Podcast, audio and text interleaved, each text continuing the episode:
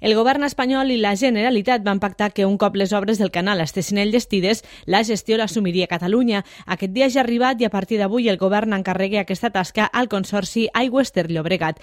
A la Segarra, territori que rega aquest canal, pateixen des de sempre dèficit hídric. Per això el president del Consell Comarcal, Ramon Auge, tem que la tria dels nous gestors s'hagi fet amb uns objectius concrets, un possible transbassament. Un altre, un altre el que ens falta és aigua del regadiu i per, i per aigua potable, per subministrament públic i també per subministrament a les ganges i, i a l'agroindústria. Una possibilitat, la del transbassament, que ja ha negat el secretari general d'Acció Climàtica, Oriol Anson. No es planteja, ni es plantejarà, ni es produirà cap traspàs d'aigua cap a l'àrea metropolitana de Barcelona que quedi clar. El canal Segarra-Garrigues de 82 quilòmetres de llargada està operatiu des de finals del 2015 i actualment regue 11.650 hectàrees.